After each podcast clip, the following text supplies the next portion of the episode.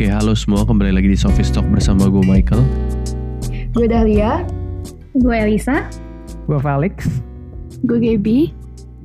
Dan gue Ken Gavin. Nah, dan hari ini kita kedatangan tamu spesial banget nih.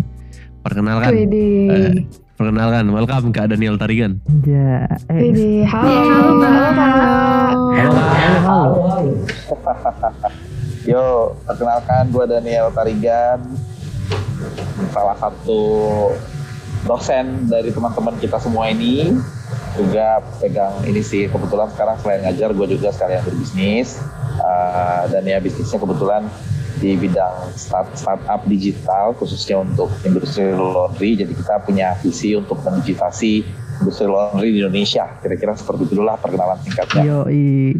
Nah ini buat kasih tahu ke teman-teman nih, kan kemarin kita udah kayak kita coba cari sisi-sisi e-sport tuh bisnisnya kayak gimana sih, kayak permukaan-permukaan e-sport. Nah ini tuh kita Hmm. mau undang si Kak Daniel ini itu supaya kita bisa tahu di bisnis yang ya mungkin nggak bisa mengeneralisasi juga sih, tapi kita pengen tahu di higher up bisnis tuh kalau misalnya ini kalau boleh tahu Kak Daniel sebagai apa di bisnisnya owner ya berarti. Eh, ya CEO dan founder. Nah, itu kita pengen tahu tuh di sana pengambilan keputusannya seperti apa. Nah, kita pengen tahu permasalahan-permasalahan apa sih yang dihadapi kayak dan mungkin lebih ke apa ya? Penjelasan secara menyeluruh kali CEO tuh sebenarnya ngapain mungkin gitu sih. Iya, iya, boleh banget sih itu sangat-sangat menarik Oke. ya. CEO muda loh ini. Oke. Masih Ya, muda guys. Edan, Edan. Masih available guys kalau mau Iya, ya. pendengar ini juga loh. Para pendengar mungkin bisa jadi mikir ini dosen kok dipanggilnya kakak. Gue pernah diancam sama dia. Lu panggil gua kakak apa bapak? Kalau lu panggil gua bapak lagi, gue failin loh digituin gue. Ngeri juga ya. ngeri juga ya. Ngeri juga loh waktu itu. Oh siap kak, siap. Tapi emang asik sih ngobrol sama Kak Daniel ini lebih kayak apa ya? Kayak tipe-tipe dosen yang muda, praktisi dan dia membangun. Nah mungkin kalau gue sebagai mahasiswa ya mungkin salah satu mahasiswa yang terinspirasi dari cerita-cerita dia dan juga ya itu perjalanan dia berbisnis sih.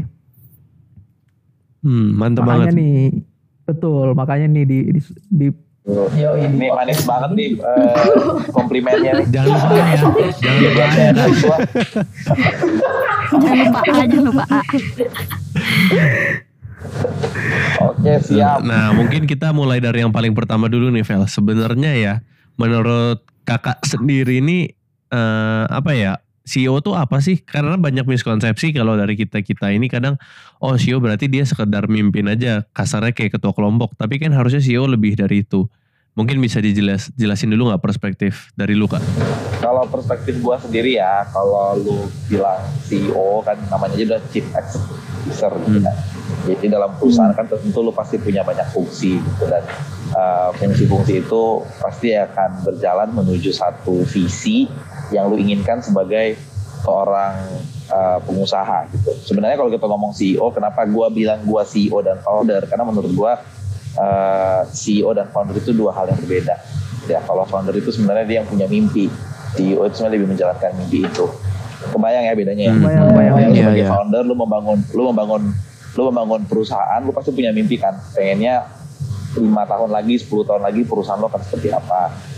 Nah, tapi kalau lu sebagai CEO, lu adalah menjalankan mimpi itu gitu. Jadi eh, kadang-kadang ada CEO yang nggak founder gitu. Jadi dia menjalankan apa yang diinginkan oleh si jadi kalau di perusahaan besar ya. Tapi kalau di startup kan biasanya ya CEO ya founder juga gitu. Nah, kalau lu tanya tugasnya CEO ya sebenarnya adalah mengarahkan organisasinya supaya dia menuju ke tujuan yang dia mau gitu kan. Pada akhirnya kan eh, sebuah mimpi besar dimulai dari langkah kecil kan Mm-mm. dan langkah kecil itu kan harus diarahkan gitu karena sambil kita jalan kadang-kadang kita eh, mulai tergoda nih gitu. Maksudnya as a company as a team kita mulai tergoda dengan eh, penawaran-penawaran lain di luar sana opportunity-opportunity lain di luar sana yang memungkinkan kita jadinya pengen belok ke sana gitu. Tapi ternyata itu malah menjauhkan kita dari tujuan awal gitu.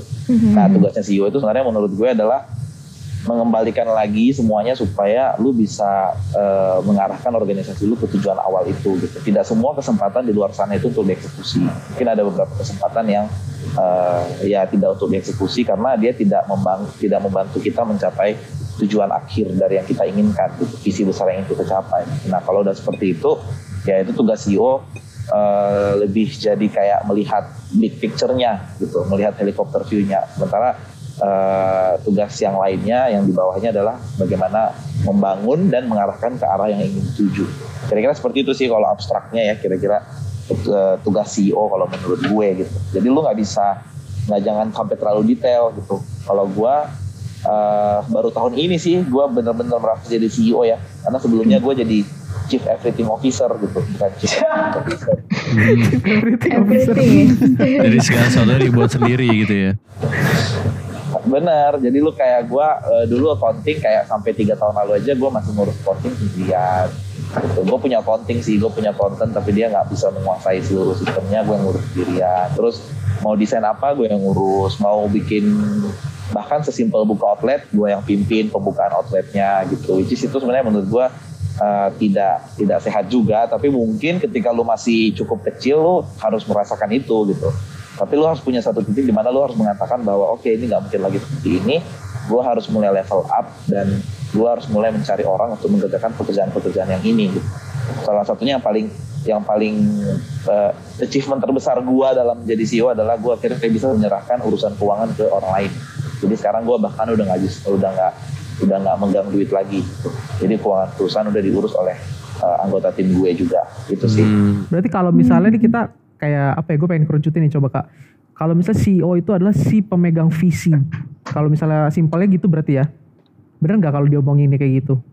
Iya, dia yang dia yang bertugas memegang visi itu dan mengarahkan seluruh uh, sumber daya organisasi untuk mengarah ke sana. Gitu. Ya, lu ngarahin karyawan, lu ngarahin uh, supplier dan semuanya itu harus mengarah ke sana.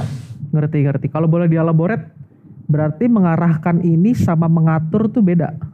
Menurut gua beda ya kalau mengatur begini, soalnya lu sebagai CEO pasti ada juga kecenderungan, gua nggak tahu ya tipe orang kan beda-beda ya. Ada tipe orang yang control freak. Control freak itu kan ya dia ingin semuanya dalam kendali, jadi dia pengen tahu you do uh, as I say. Jadi kayak uh, gua mau ke ibarat kata kalau gua kasih ini ya, gua mau ke BSD nih, gitu. gua lagi Jakarta, gua mau ke BSD nih. Gua tentukan nih lu harus lewat jalan ini ya, lu harus tol, lewat tol ini, nanti keluar di sini, terus nanti lu beloknya di sini, terus gini gini gini. Itu kan ada CEO yang gitu tuh, yang kontrol freak banget, gitu kan ya. Tapi ada juga CEO yang uh, ya udah, pokoknya gue mau BSD, mau lu mau lewat mana terserah.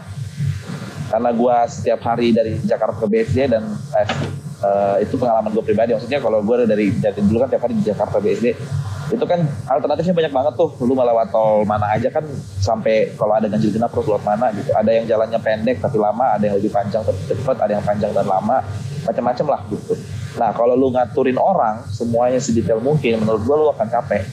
Jadi kalau ngatur dalam artian oh pokoknya gua mau bikin marketingnya kayak gini lu harus pakai media ini harus seperti ini harus seperti ini dan lu keep asking uh, ke ke ke bawahan lu gimana nih sampai sini udah udah belum udah belum udah belum. Akhirnya lu capek dia juga capek. Nah menurut gua sebenarnya CEO yang baik itu yang yang bisa yang bisa ngarahin. Jadi bukan ngatur gitu. Jadi bukan ngatur tentang lu harus begini besok begini besok begini enggak. Tapi lebih ke arah ngarahin. Kita mau sampai ke sini nih. Bagaimana lu bisa mendukung ini sampai ke situ? Gitu. Jadi kayak misalnya kalau mau konkretnya di perusahaan gue misalnya duit deh. Gitu. pokoknya gue cuma mau tahu Uh, karena gini sudah bertahun-tahun di perusahaan kita kita fail terus uh, dalam artian kita uh, jadi konsep kita ini kan kita punya perusahaan laundry. Terus laundry itu mulai profit. Profit dari laundry itu kita pakai untuk bikin startup.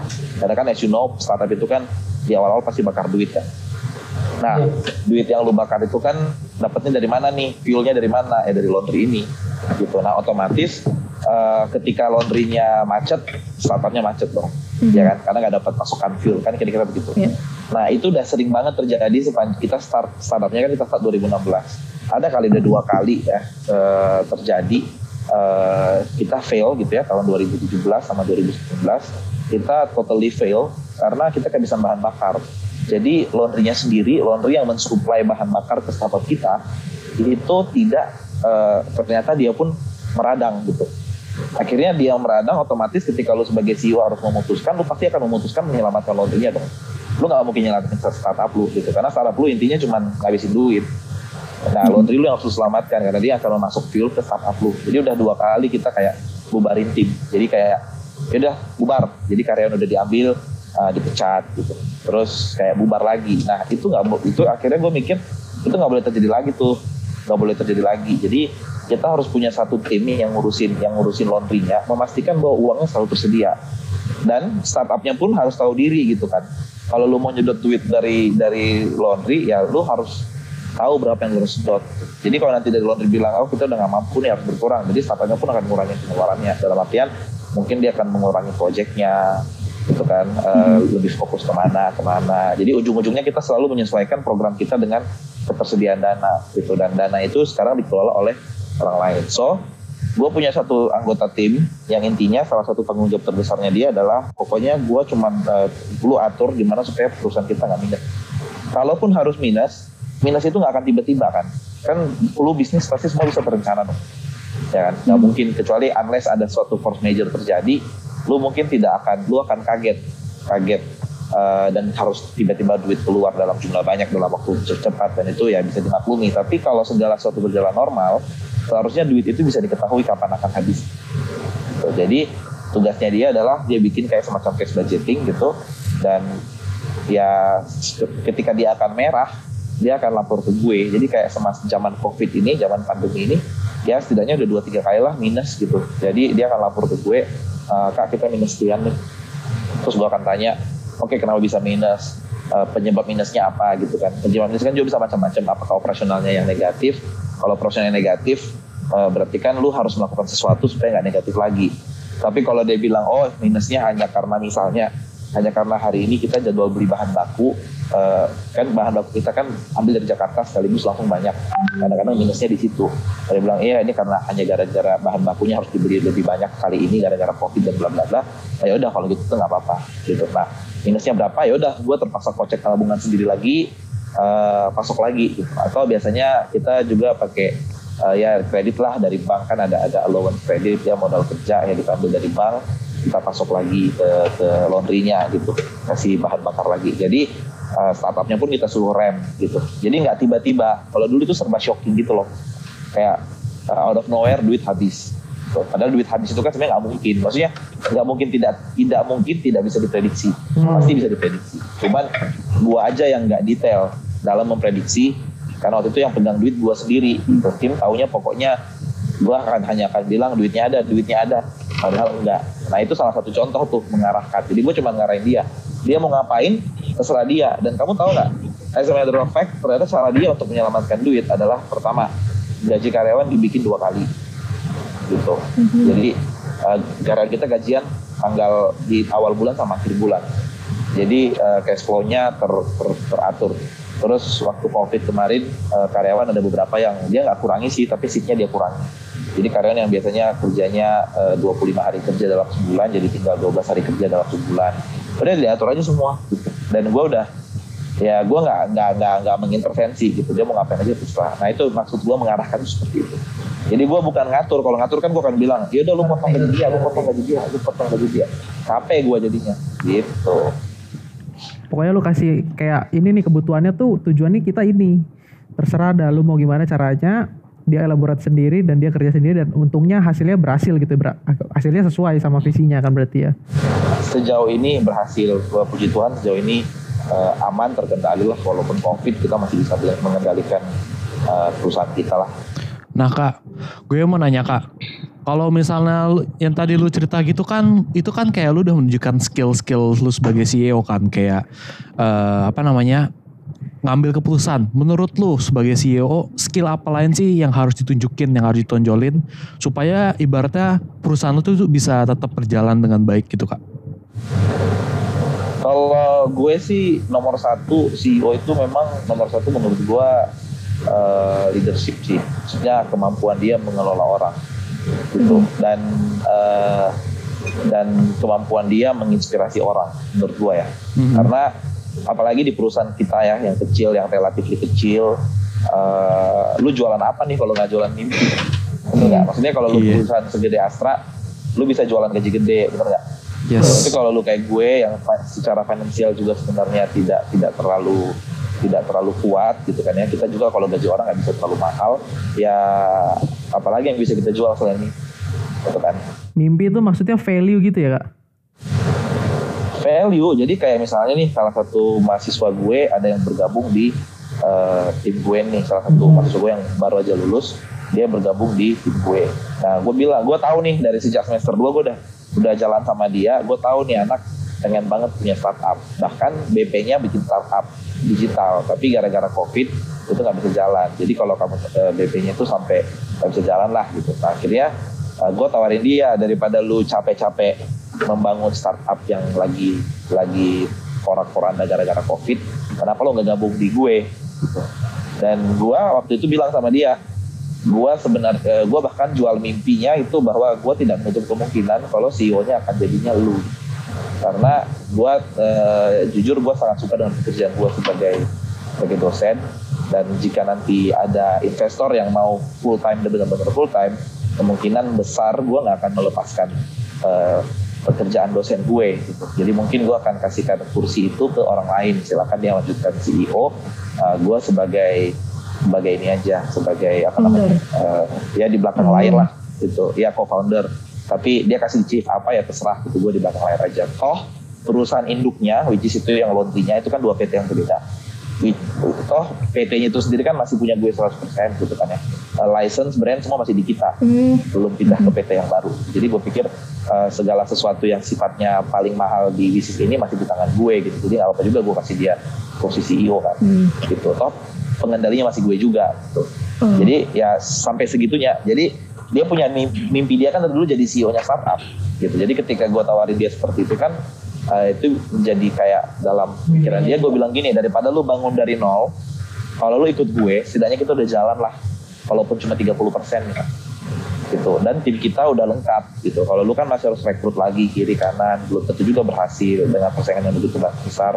Kenapa nggak kita gabungin kekuatan? Akhirnya dia minta waktu uh, terus berapa hari kemudian dia bilang uh, offernya masih on the table nggak? Bilang masih dong ngobrol ngobrol ngobrol udah dia gabung.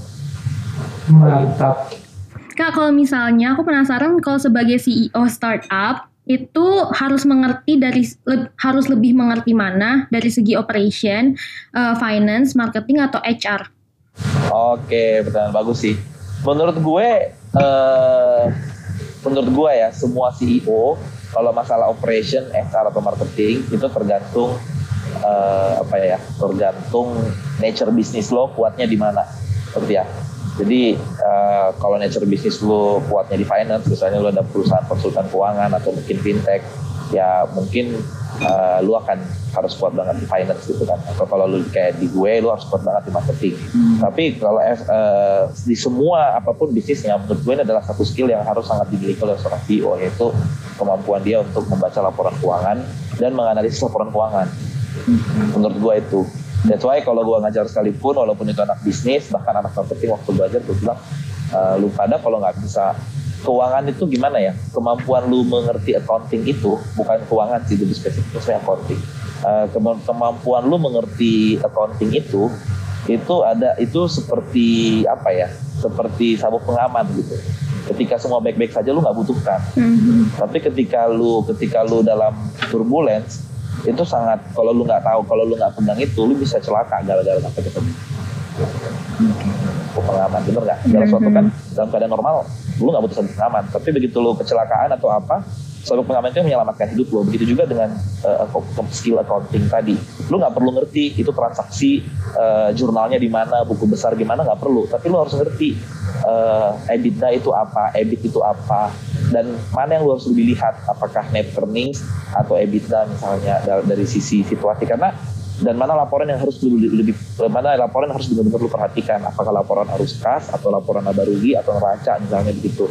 Mungkin lu bilang oh semua penting benar semua penting. Tapi ada memang laporan-laporan tertentu yang akan sangat esensial ketika lu eh, harus mengalami turbulence di dalam bisnis. Kalau semuanya baik-baik aja lu nggak butuh itu. Tapi begitu ada turbulence dan lu nggak punya itu mati lu. Dan lu punya itu tapi lu nggak tahu bacanya mati juga.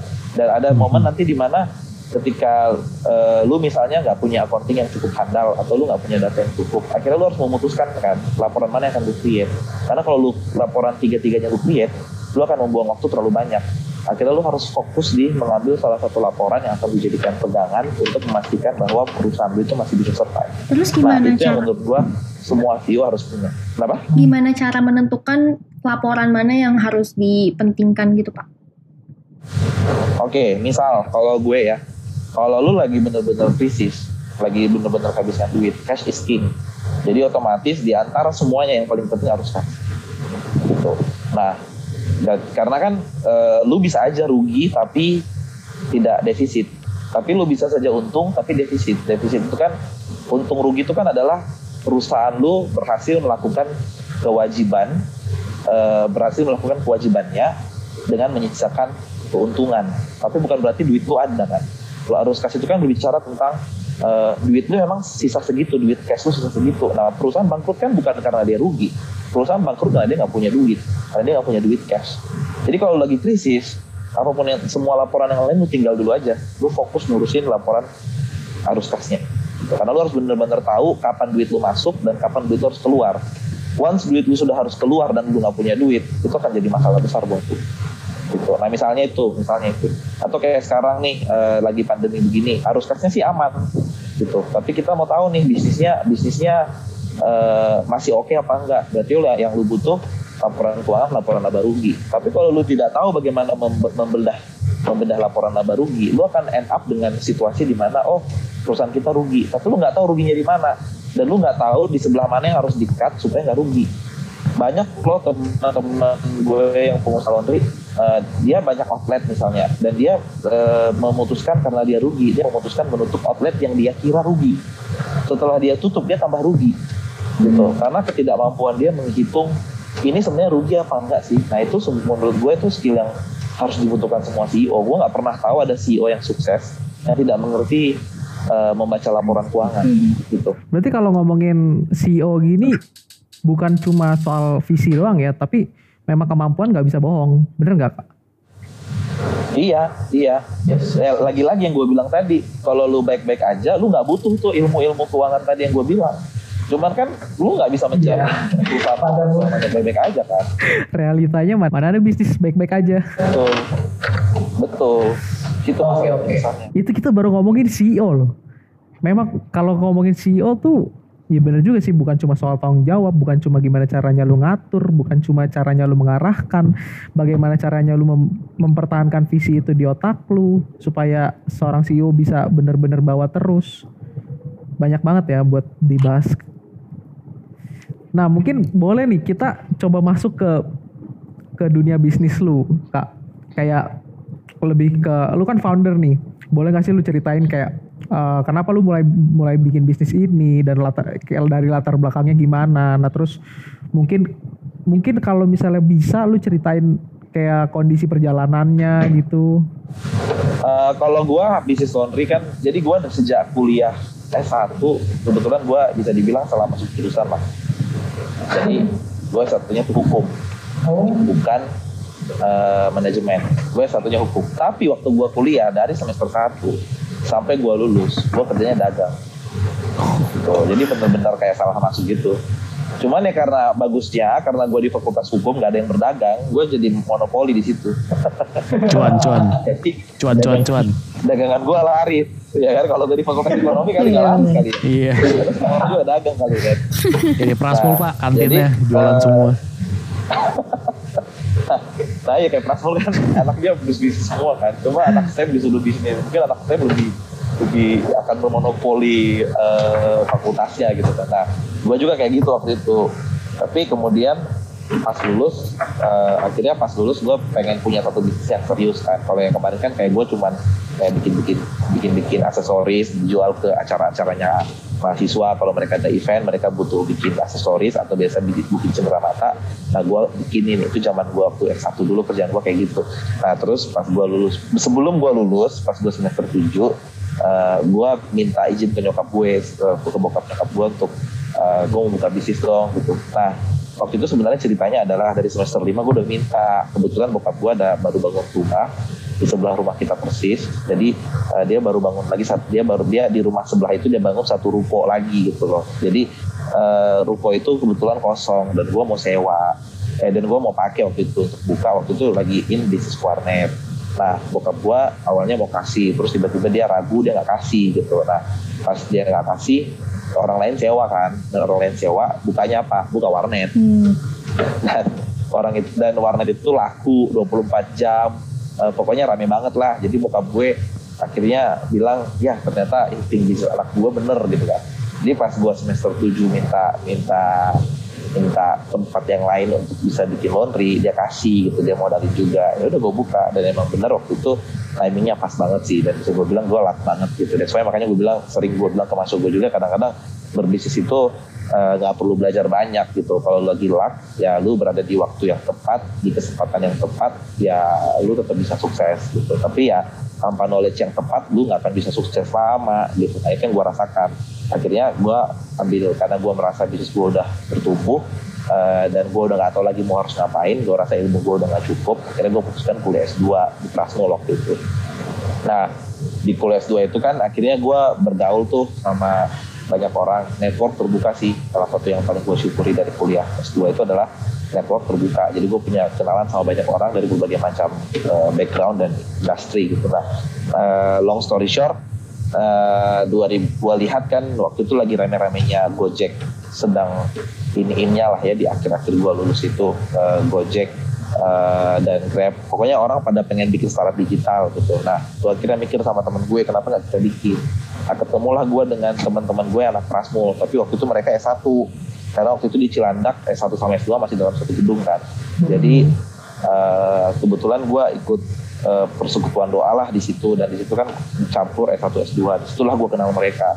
Nah teman-teman yang satu ini eh, ngobrol ke gue kak kayaknya kita ada ide bisnis. Terus dia tanya kan terus kita sharing sharing sharing sharing. Akhirnya November 2016 kita dirikanlah project ini. Intinya kita ingin mendigitasi bisnis laundry. Kita cerita seperti itu. Jadi dari situlah perjalanan gue bikin Eh, 2017 kita launching produk tapi kemudian yang gue bilang tadi gagal karena kita jualan software waktu itu software untuk pengusaha laundry. Bayangkan dari 72 pengusaha laundry yang kita dekatin yang tertarik cuma 8 yang beli cuma dua yang make nggak ada. Sedih banget kan? Jadi kayak di- dia udah beli tapi dia nggak make gitu. Padahal kan ide besar kita untuk mendigitasi industri ya otomatis kita harus ini dong harus harus orang orangnya harus make gitu loh. Bahkan kalau bisa kita kasih gratis aja nggak apa-apa yang penting dia pakai nah ini bahkan ada yang kita kasih gratis ya. Dari eh, ada ada laundry yang kita kasih gratis. Nggak dipakai juga cuy. Tuh kan stres banget kan. Masa kita harus bayar dia untuk pakai gitu kan? Tambah gila nanti. Jadi akhirnya kita putuskan oke gagal. Mundur. Mundur mundur mundur mundur. Nah kita ganti lagi format lain. Eh, 2018 kita sempat launching sampai 2019 Nah 2019 ini yang pisahnya paling sedih sebenarnya. Karena 2019 itu kita fokus cari eh, investor karena kita pikir kita nggak bisa jalan dengan duit sendiri dan itu adalah kesalahan terbesar gue waktu itu karena fokus mencari investor bukan mencari customer. Nah mungkin itu jadi masukan juga ya buat teman-teman ya kalau jadi CEO startup eh, pastikan fokusnya cari customer jangan cari investor. Investor itu eh, tambahan aja. Jangan jangan apa? Maksudnya tuh kayak investor kayak nanti datang sendiri aja gitu. gua nggak bilang bakal datang sendiri juga sih. Tetap lu harus cari tapi jangan sampai waktu lu habis mencari investor. Tuh Ah, karena waktu itu gue waktu itu cari-cari investor terus tiba-tiba ada satu orang nih yang datang eh, dia salah satu usaha laundry yang terkenal banget lah di Indonesia ini. Pokoknya eh, orang-orang laundry tahu dia lah gitu. Nah dia panggil gue ngajak-ngajak ngobrol eh, tentang visinya dia. Intinya visinya dia ada A visi gue ada B. Tapi memang visi kita bisa bersinggungan. Jadi kayak satu arah beda tujuan tapi satu arah gitu. Ibarat kata lu dari Jakarta satu pengen ke Gading Serpong satu pengen ke BSD kan searah kan? Gitu, walaupun tujuannya berbeda. Jadi dia nawarin kenapa nggak kita satu kapal aja? Gitu menuju ke arah yang sama. Kita jahit eh, konsepnya untuk eh, tujuannya tujuan lu tercapai tujuan gua tercapai nah singkat cerita eh, kita pitching beberapa kali meeting beberapa kali alot ribet akhirnya sampailah pada kesimpulan dia mau invest di kita tujuh setengah m. Wow. gitu. Tujuh setengah. Itu angka yang waktu itu kita bener-bener wow gitu ya. Nah terus eh, waktu itu padahal kita cuma minta awalnya dari kita cuma minta sekitar 1 m atau 2 m. Terus Uh, waktu itu kan intinya dia pengen buka buka buka laundry sebanyak banyaknya di Indonesia gitu. Waktu itu uh, gua kita bikin bayangkan proposal kita waktu kita ajukan kita bikin satu tahun 50 kan 50 laundry. Terus dia bilang terlalu sedikit. Terus kita tanya e, bapak maunya berapa? Dia bilang ya minimal setahun 200 lah. Kaget dong Waduh. minimal setahun 200 oke waktu dia bilang setahun 200 ya gue pikirnya kalau setahun 200 kita udah nggak bisa berbicara startup lagi harus bicara korporasi gitu nggak? Kalau startup itu kan konsepnya adalah start small ya kan? Start small grow fast. Itu kan konsepnya startup. Tapi kalau konsep korporasi kan enggak uh, go big or go home. Itu prinsipnya korporasi gitu. Jadi waktu itu kita bilang ya kalau dia maunya 200 dalam setahun ya itu prinsipnya udah go big atau go home. Jadi jadi kita langsung bikin proposal uh, otomatis kita harus rekrut uh, direktur-direktur terbaik dong. Lu bayangin mau bikin 200 toko dalam satu tahun kan enggak. Dan itu modelnya franchise loh. Misalnya 200 toko setahun dia biayai semua mah gampang.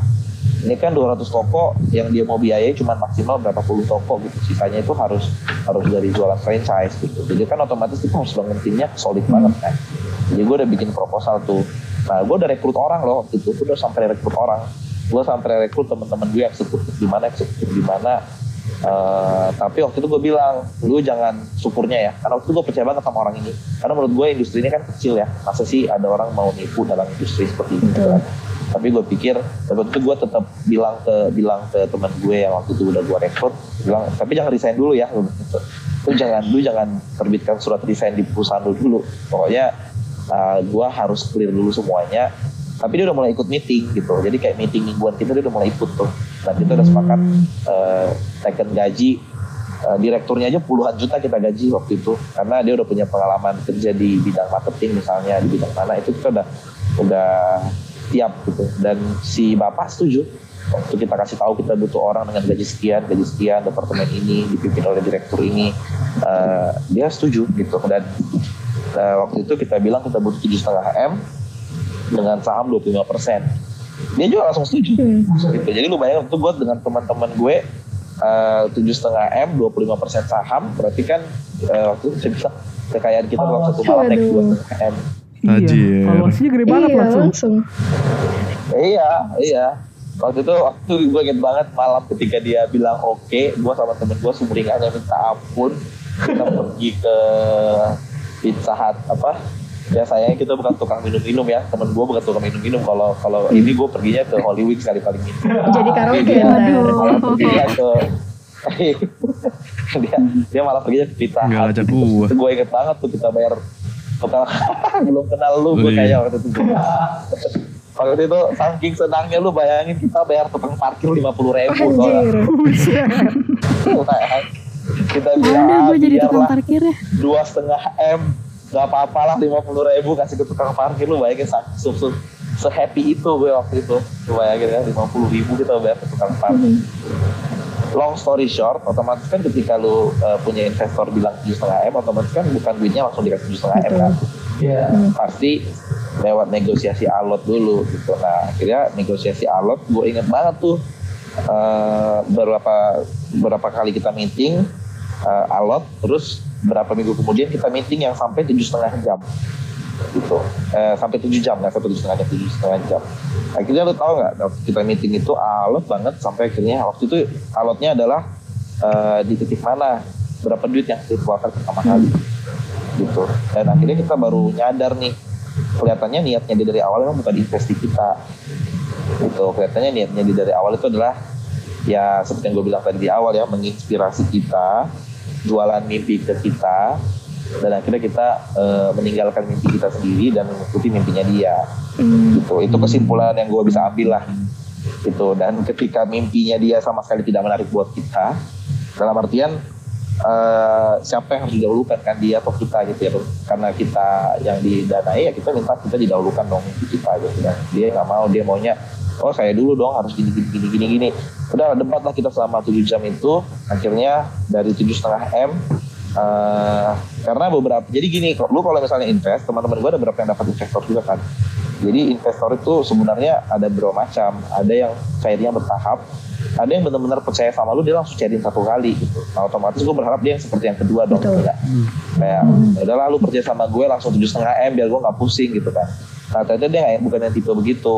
Jadi untuk sebelum tujuh setengah m itu dia pengen punya milestone yang harus kita capai sebelum mencapai tujuh setengah m itu jadi lu bayangin dari tujuh setengah m itu akhirnya pencarian pertamanya dia sepakat angkanya cuma 300 juta gitu. Banget kan Jauh banget jadi ya kayak gue turunnya. bilang Udah ngasih 50 ribu ke tengah parkir.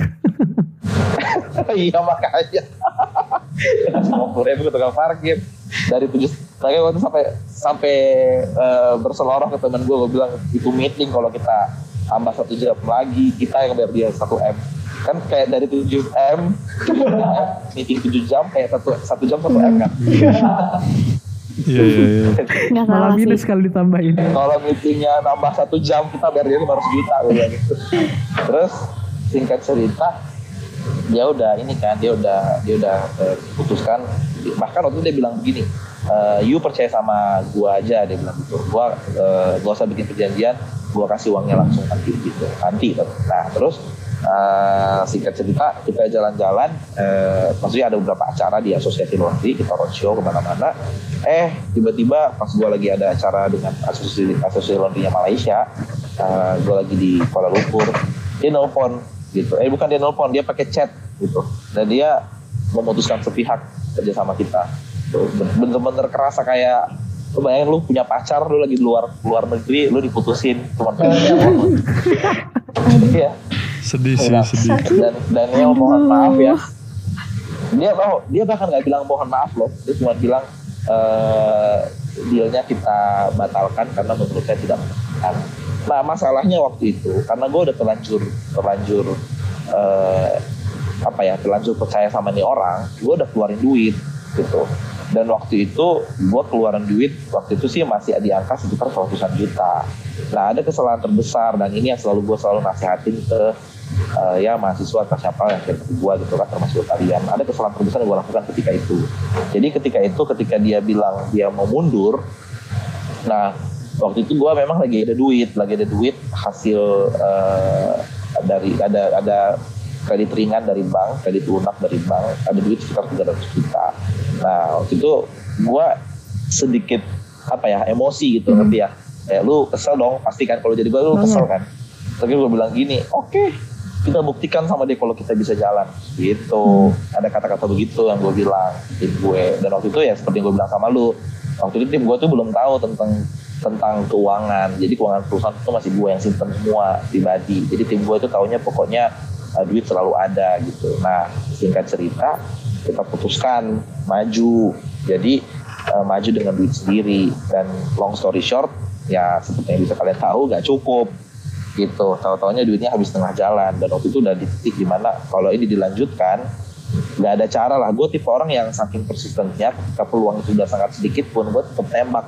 Tapi ternyata uh, tetap aja waktu itu gue udah temen gue udah kasih ingat gitu. Akhirnya ketika gue bilang gue buka-bukan angka temen gue ada yang bilang bilang ini lu kalau lu paksakan lu kehilangan dua-duanya lu kehilangan startup lu lu kehilangan bisnis laundry lu juga gitu.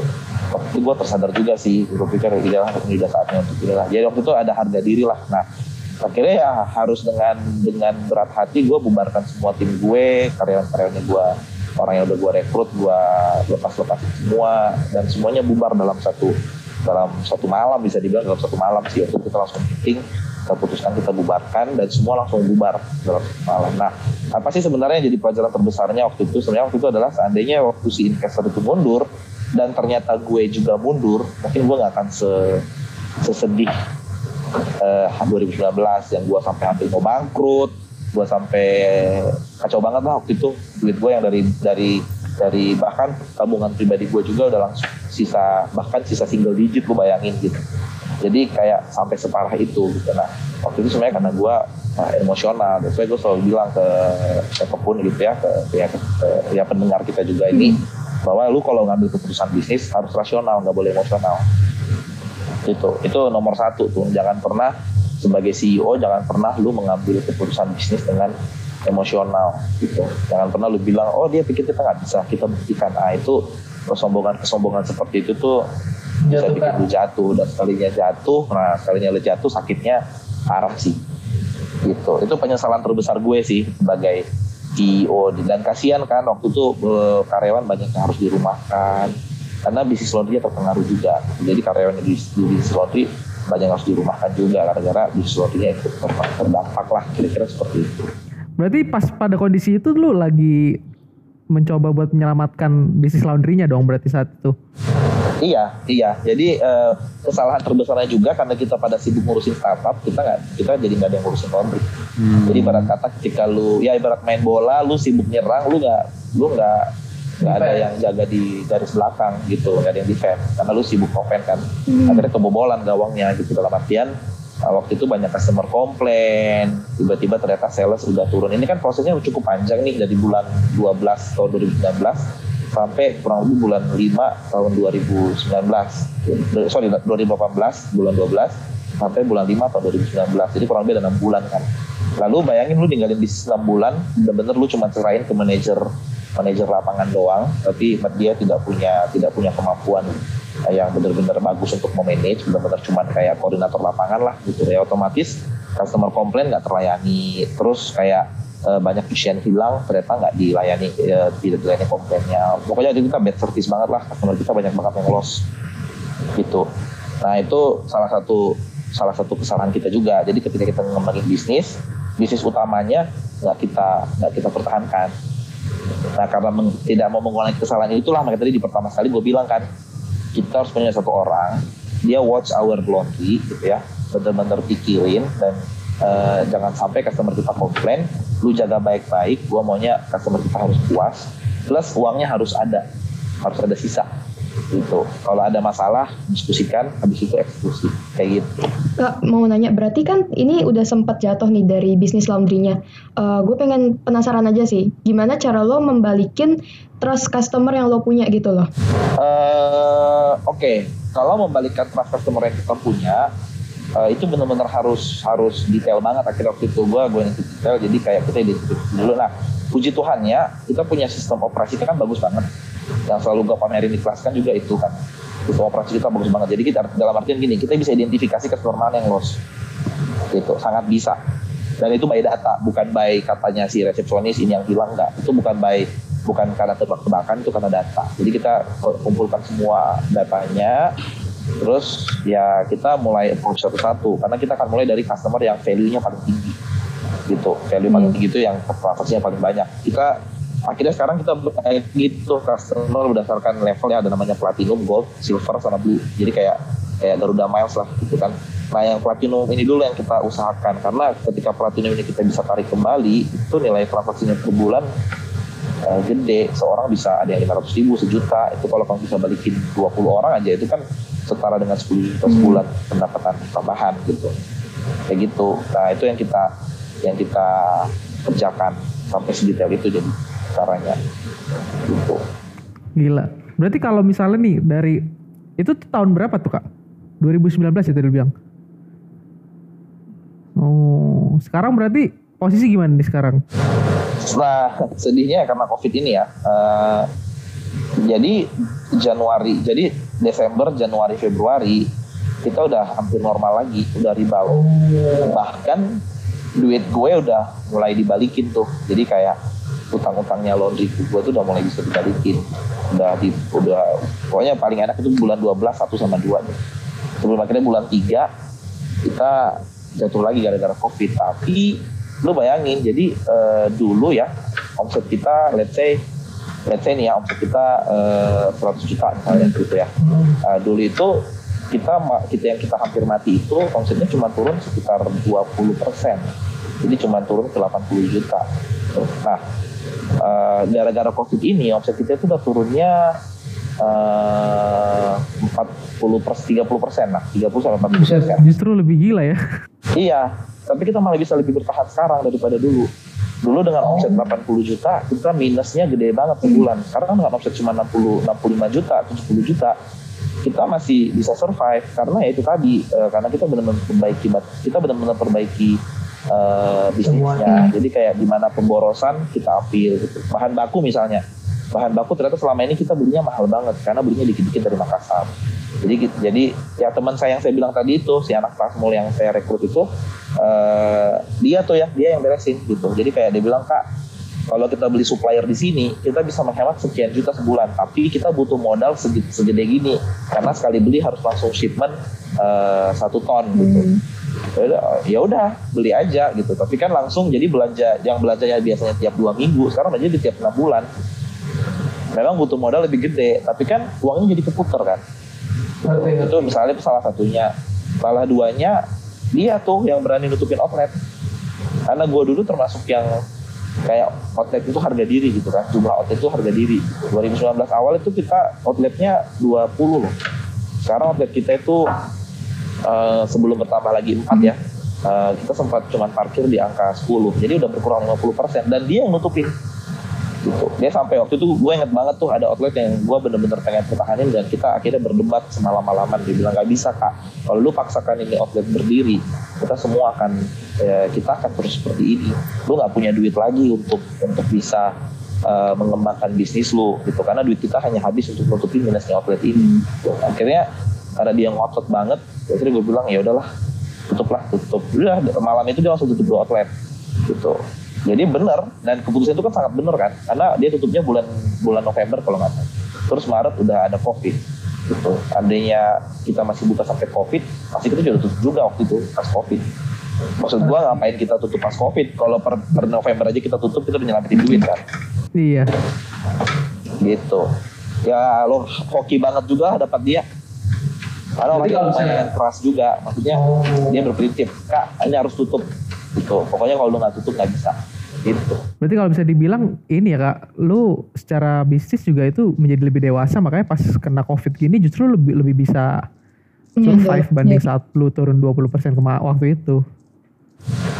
Betul, betul. Jadi dengan offset yang lebih kecil kita malah bisa bertahan. Tuh, karena fundamentalnya udah perbaiki semua. Gitu ya. Kalau dibilang lebih dewasa sih, terasa banget sih bedanya. Kayak dulu gua gampang banget stres kan. Gua sekarang kayak ah ya udahlah. Berarti selain bisnis pribadi juga ya. Iya, secara pribadi juga sangat sangat ter ini, sangat sangat terdewasakan ya. 2019 itu momen yang paling eh, turn around lah buat gue secara pribadi ya. Dan itu kan menentukan sekali ya ketika lu as a personal juga tenang, company lu akan lebih tenang juga, karyawan lu juga akan tenang gitu. Kalau lu misalnya tertekan, maka lu akan menunjukkan di depan karyawan kan. Misalnya lu marah-marah. Dulu gue orangnya suka marah-marah. Dulu gue di, di, di kantor pokoknya eh, orang kantor tuh paling takut kalau gue udah datang kantor lah. Kalau gue datang ke Makassar kan dulu dulu sesinya Jakarta kan. Eh, kalau datang kantor mereka udah takut karena ada aja yang bisa gue marahin. Ya karena sebenarnya stres gitu. Jadi gue stres melihat angka di rekening dan sekarang ketika gue lihat mereka tidak mengerjakan seperti yang gue mau dalam hati gue itu kesannya kayak gila gue mau bangkrut dan lu kayak gini kerjanya gitu pengen gue jitak rasanya gitu loh nah jadi sekarang udah nggak ada lagi kenapa karena gue udah nggak lihat rekeningnya lagi juga gitu. jadi dalam kepala gue gue bilang kalaupun gue harus minus gitu ya setidaknya gue nggak usah dibikin repot dengan melihat eh, ibarat kata gini loh kalau lu memang harus mati mending lu nggak usah tahu lu mau mati Bener- ngerti nggak sih Mon? Bener-bener. Langsung aja mendadak deh. Iya langsung aja pokoknya pokoknya eh, jadi kalau gue memang mau harus minus ya udah setidaknya jangan repotin gue untuk harus ngitungin lagi minusnya berapa gitu. Jadi lu aja ngitungin minusnya nanti lu tinggal kasih tau gue minusnya berapa sih gitu. Karena yang bikin stres sebenarnya itu beneran deh lu kalau jadi pengusaha yang paling bikin stres itu itu. Lu kayak lihat wah pemasukan cuma segini. Ya elah ini mau dibayar. Wah gila gue pusing gitu. Nah lu kan stres banget. Itu yang bikin stres sebenarnya. Tapi kalau itu udah dikerjain orang lain kan udah lu diam Iya, aja. sih. Nanti pokoknya begitu mau minus dia akan datang ke lu. Yang penting kan udah bilang kalau mau minus bilang gitu jangan lu. Udah hamin satu baru lu ngomong. Kalau udah mau minus bilang. Jadi kayak tadi hari ini aja misalnya dia bilang kok kita mau minus. Kak kita mau minus. Tanggal 20 kita akan minus sekian. Tanggal 20 September kita akan minus sekian. Kita butuh duit sekian dari lu. Udah. Tenang.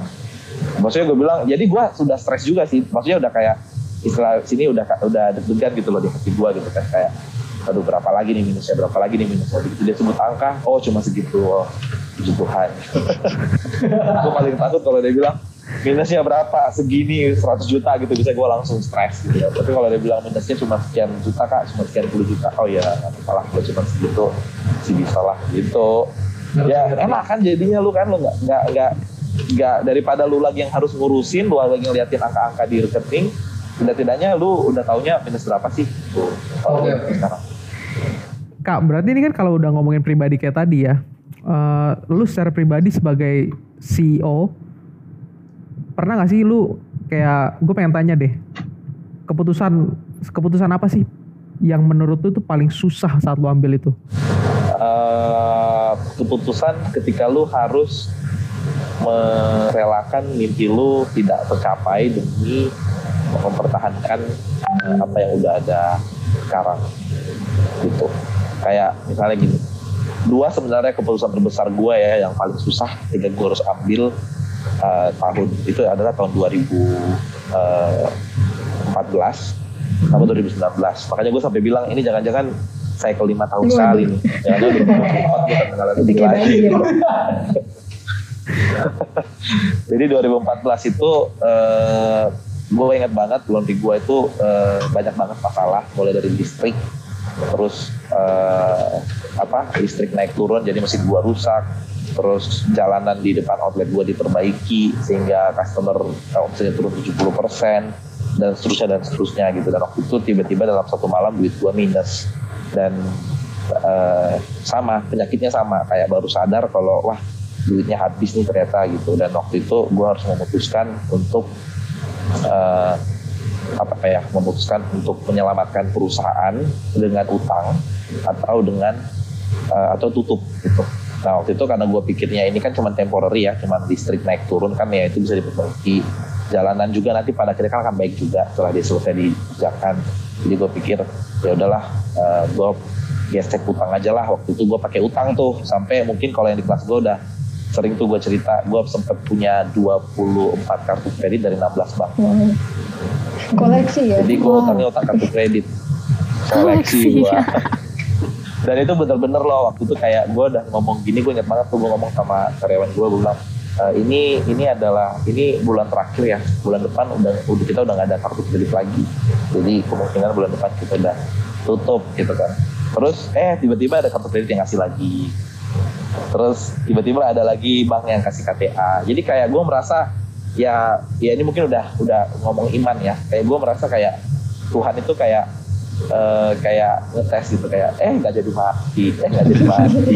Kayak lu bilang mati nih eh nggak jadi mati. Gitu dan bener bener bener seperti itu. Sampai gue inget banget pas waktu itu udah bener-bener habis gue ngomong ke karyawan gue kayaknya ini udah pernah. Lu tau gak karyawan gue ngomong apa? Dia bilang pak bapak udah ngomong itu dari tahun lalu pak. Mati. akhirnya malah dia yang lebih percaya diri daripada gue lu bayangin. Dia selalu bilang pak bapak udah ngomong kayak gitu itu dari tahun lalu pak. Kita gak mati-mati sampai sekarang. Gitu. jadi bapak udahlah serius aja. Maksudnya kalau bilang bener pak. Kali ini udah nggak kali ini nggak mungkin kan udah habis. Ini, ini. eh bener waktu dia bilang gitu nggak berapa hari kemudian ada bank lagi yang kasih kartu kredit limitnya gede juga gitu. Jadi waktu itu gue sampai bilang bank-bank ini bodoh ya. Kayak maksudnya dia nggak tahu apa kalau gue itu sebenarnya mau bangkrut gitu. Dia malah kasih gue kartu kredit gitu kan. Dan singkat cerita eh, berhasil. Bisa selesaikan semua. Sampai sekarang udah beres semua tuh utang-utang. Kalau di 2019 masalah terbesarnya adalah eh, keputusan tersulitnya adalah yaitu gue harus harus membubarkan startup gue gitu. Jadi kayak karya eh, tim-tim anggota tim gue yang sebenarnya udah udah sangat eh, baik gue harus let go gitu. Gue harus let go gue harus waktu itu beberapa ada yang baper banget gitu sampai sekarang nggak mau terima telepon gue lagi gitu. Jadi nggak mau ngerti situasinya bahwa ya intinya sekarang kita lagi nggak ada duit gitu. Bukan gue memang bukan gue pengen bukan gue pengen eh, menyingkirkan lu dari dari perusahaan ini. Memang memang memang udah nggak mungkin dilanjutkan karena duitnya udah benar-benar habis. Dan dia perform sebenarnya itu bahkan eh, salah satu keputusan yang paling berat di 2019 itu adalah begini. Gue punya satu satu yang orang gue yang bilang tadi yang ngurus keuangan itu ya. Itu sebenarnya gue rekrut ketika di project startup ini gitu. Namanya Jonathan. Nah waktu itu dia udah termasuk kan semua temennya udah di ini kan udah di layoff kan. Jadi dia udah udah siap-siap juga dong. Udah siap-siap di layoff juga gitu. Jadi waktu itu gue mikirnya gini gue bilang gue ini sambil ngajar kan dan gue gak bisa full time di laundry. Jadi gue bilang eh, sama dia gue bilang oke lu tetap stay di sini lah eh, gue yang keluar. Waktu itu bilang begitu waktu itu dia pikir gue eh, cuman karena gak enak mau mecat dia karena emang gue berteman sama dia sejak sebelum sejak sebelum uh, bisnis ini gitu. Gue bilang enggak ini bukan ini bukan ini bukan karena gue sungkan sama lu gitu. Tapi waktu itu gue sebagai seorang CEO uh, gue pasti pengen dapat gaji dari perusahaan ini dari loan gitu. Is gue dapat gaji kan dari laundry setiap bulan gitu. Gue pasti pengen. Tapi sebagai sebagai founder sebagai shareholder sebagai pemegang saham gue kalau gue disuruh memilih seorang Daniel Tarigan atau seorang Jonathan yang berada dalam perusahaan, gue akan lebih milih Jonathan bukan Daniel. Jadi sebagai sebagai majority shareholder, kalau gue harus memecat orang, yang gue pecat itu Daniel. Kenapa yang gue pecat Daniel? Karena Daniel nggak bisa full time. Gitu. Sementara lu bisa full time. Gue bilang gitu ke dia. Jadi gue bilang gue resign dari. Jadi gue yang resign, gue yang mundur dari posisi CEO. Lu lanjutkan perusahaannya gitu lo yang pegang nah akhirnya gue udah memutuskan kan artinya waktu itu gue udah sempat memutuskan gue mau full time nih di jadi dosen di Prasmul gitu kan nah, karena udah ya udah berakhir juga kan gue pikir udah udah goodbye juga terus tiba-tiba karyawan-karyawan gue yang di Makassar pada bilang begini bos saya tuh belum pernah lihat ada namanya owner resign. Bilang gitu. Juga sih. Saya tuh belum pernah lihat ada namanya owner resign dia bilang gitu. Kalau misalnya bos memang nggak digaji ya udah kerja aja nggak usah digaji bilang gitu kan. Uh, kan maksudnya kapal juga kapalnya kapalnya situ. Kalau sukses juga situ yang sukses. Kenapa kenapa harus resign terus jadi full time dosen di Jakarta gitu. Akhirnya uh, dia bilang gitu ya gue pikir-pikir ya benar juga sih yang dia bilang ya akhirnya ya udah gue tetap lanjutin sebagai CEO uh, uh, tapi nggak digaji gitu sampai berapa ya setahun lebih gue nggak digaji lah di di, di laundry gitu. gitu sih keputusan terberat gue itu dua itu Gue juga baru pernah dengar sih. Dia owner, dia resign. Baru ya. Iya. Itu istilah baru mungkin. baru, baru. Baru baru. Yoi. Unexpected. Tapi dari unexpected. semua cerita-cerita lu ya kak, eh, banyak banget sih hikmah kayak perjalanan yang bisa diambil. Kayak yang tadi lu bilang aja udah dari pribadi lu sendiri lu menjadi makin dewasa. Terus dari bisnisnya juga makin dewasa. Dari keputusan-keputusan yang lu ambil buat ngesampingin ego lu, bukan ego apa ya? Kayak bener-bener ngelihat yang sebenarnya jalan jalan terbaiknya tuh apa dan memang itu yang mesti diambil. nggak ada kata lain lagi. Mungkin lu punya satu dua patah kata lah kak buat anak-anak muda yang pengen menjalankan bisnis di luar sana. Oke, eh, sebenarnya nomor satu sih kalau lu mau bilang pelajaran yang terbesar dari yang eh, gua dapatkan itu adalah ternyata eh, banyak hal di dunia ini yang lu nggak bisa kontrol, even lu CEO, gitu. Eh, ketika lu semakin lu buru, ternyata ironisnya adalah semakin banyak kontrol yang diberikan ke tangan lu, semakin lu nggak bisa mengontrol semuanya ya. Lu sebagai CEO kan bisa mutusin apa aja kan sebenarnya kan.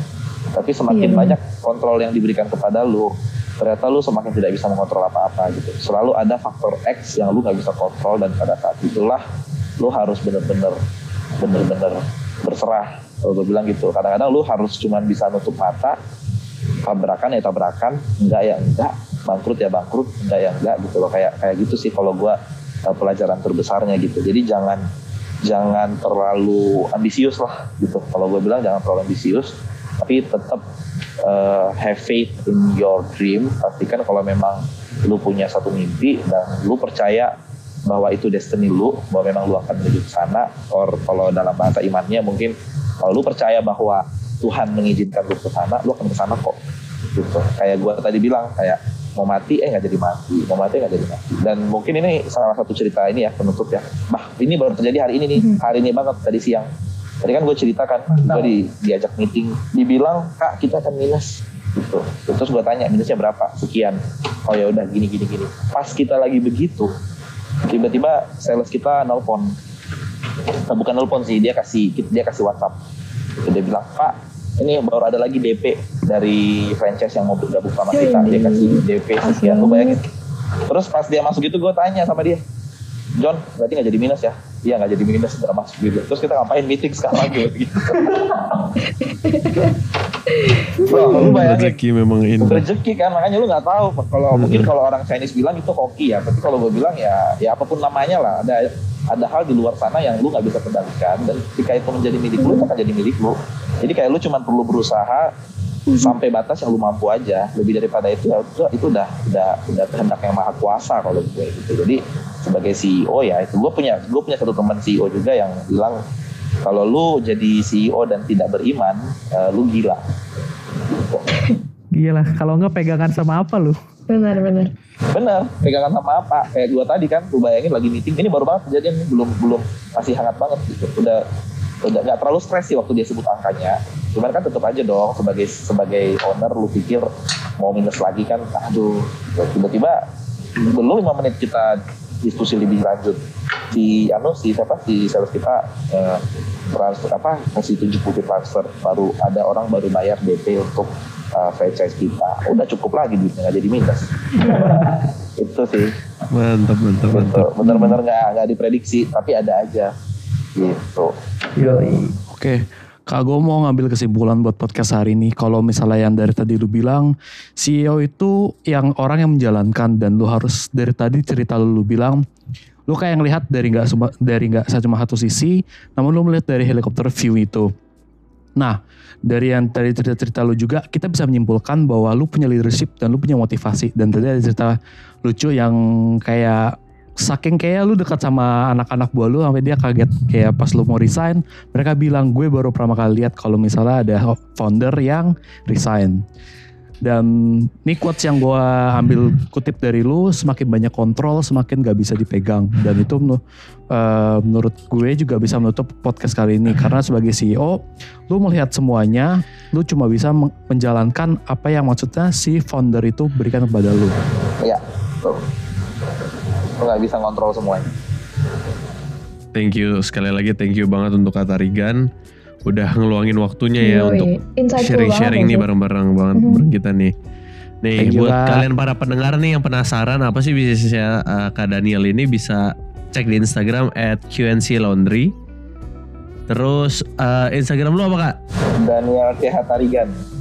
Nah itu buat kalian yang pengen nanya-nanya atau lihat gimana sih kehidupan seorang CEO nih yang sering traveling. Nah kalian bisa lihat tuh di at Daniel CH Tarigan. Sekali lagi kita pengen ngucapin terima kasih banyak Kak Daniel udah Betul. meluangkan waktunya. Thank you kak buat thank you semuanya Thank you, Kak. Thank you kak. yo Dan itu aja dari kita hari ini. Jadi, menurut kalian gimana? Gue Michael dari Sofis. I'll see you guys on the next episode. Bye. Bye. Bye-bye. Bye.